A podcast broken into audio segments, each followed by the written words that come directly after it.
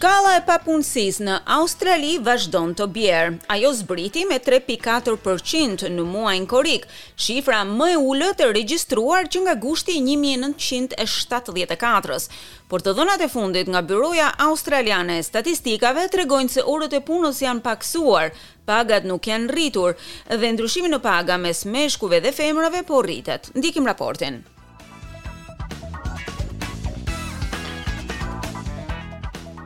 Shkalla e papunësisë në Australi ka rënë në nivelin më të ulët në 48 vite. Kjo sipas të dhënave më të fundit të fuqisë punëtore të lëshuara nga Byroja Australiane e Statistikave. Ministri federal i Punësimit është Tony Burke.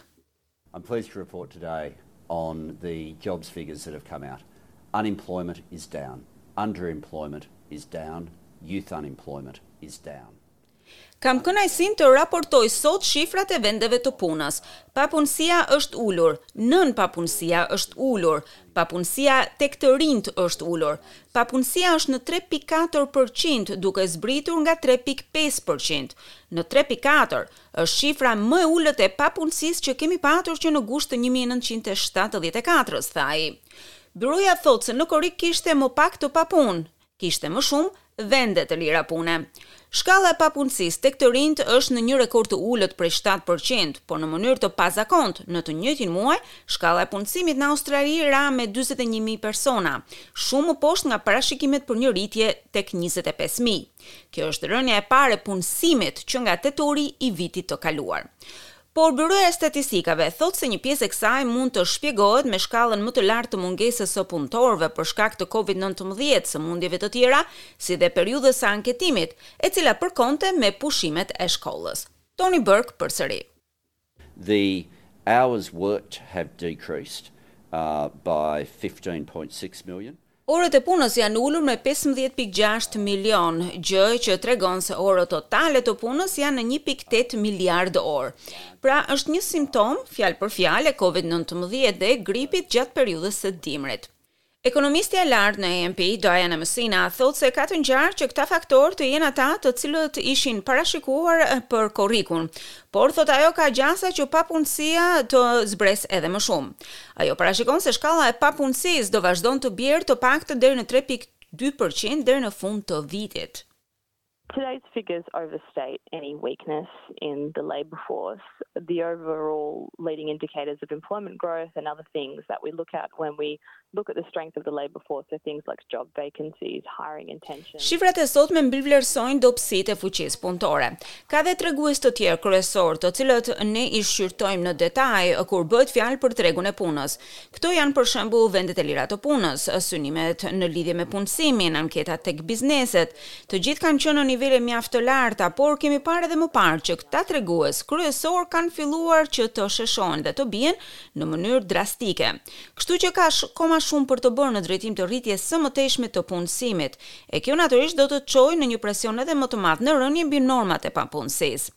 Por, çfarë tregojnë saktësisht shifrat rreth ekonomisë së Australisë?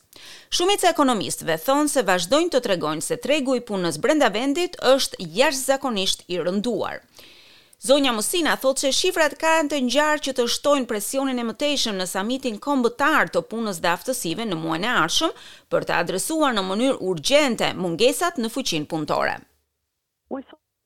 We saw from today's job figures that there was a further decline in spare capacity with the underemployment rate and the unemployment rate falling, so that will be discussed at the National Jobs Ne i pamë sot shifrat e vendeve të punës, të cilat kanë patur një rënie të mëtejshme të kapacitetit, e këto do të diskutohen në samitin kombëtar të punës, sepse një nga çështjet kryesore që do të ngrihet atje është edhe mungesa drastike në aftësi brenda Australisë. Kjo është nxitur nga tregu i ngushtë i punës, rritja e fortë e punësimit, rënia e nënpunësimit, nënshfrytëzimit të fuqisë punëtore. Shifrat e sotme përforcojnë faktin që ekziston një nevojë e jashtëzakonshme për të nxitur emigracionin dhe për të mbuluar këto mungesa në aftësi, të cilat ndihmohen nga një treg shumë i ngushtë pune. Zëdhënësja e punësimit në opozitën federale, Michaelia Cash, thotë se shifra kryesore e papunësisë është e mirë, por sipas të dhënave të saj, duhet të bien këmbanat e alarmit. I have just returned from Tasmania and visiting small business after small business. The one issue they consistently now raise with me is the fact that. Sapo jam kthyer nga Tasmania dhe jam takuar me përfaqësues të biznesit të vogël. Të gjithë ata ngritën vazhdimisht një shqetësim, humbjen e vendeve të punës. Ata humbën rreth tetëdhjetë mijë vende pune në korrik, Të gjitha bizneset e vogla vuajnë për krahun e punës. Ata kanë vështirësi që të punësojnë persona për turne. Gjithashtu kanë shumë vështirësi në lidhje me gjetjen e punëtorëve të talentuar. E për disa arsye u duhet edhe që të mbyllin bizneset plotësisht. Shifrat e Byrosë së Statistikave vijnë një ditë pasi të dhënat treguan se rritja reale e pagave në Australi ishte shumë mbrapa rritjes së inflacionit. Ministri Burke thotë se shkalla e ulët e papunësisë duhet të rrisë pagat, sistemi ka diçka që nuk funksionon.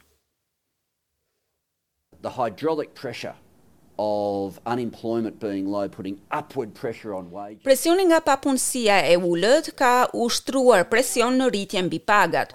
Kjo shkakton krisje që sjellin probleme. Qeverisë së mëparshme iu desh të mbante pagat e ulëta, ajo solli ligje të cilat i lejojnë punëdhënësit të ulin edhe më tej pagat e punëtorëve, tha ai. Byroja e Statistikave gjithashtu dha të dhëna në lidhje me të ardhurat mesatare javore në lidhje me pagat, të cilat janë rritur vetëm me një pikë nëntë përqind. Hendeku gjinor i pagave është rritur nga trembëdhjetë pikë tetë përqind nëntorin e kaluar në katërmbëdhjetë pikë një përqind në maj. Në gjashtë muajt e parë të vitit, statistikat treguan se meshkujt australianë fituan mesatarisht dyqind e gjashtëdhjetë e tre dollarë në javë më shumë se femrat.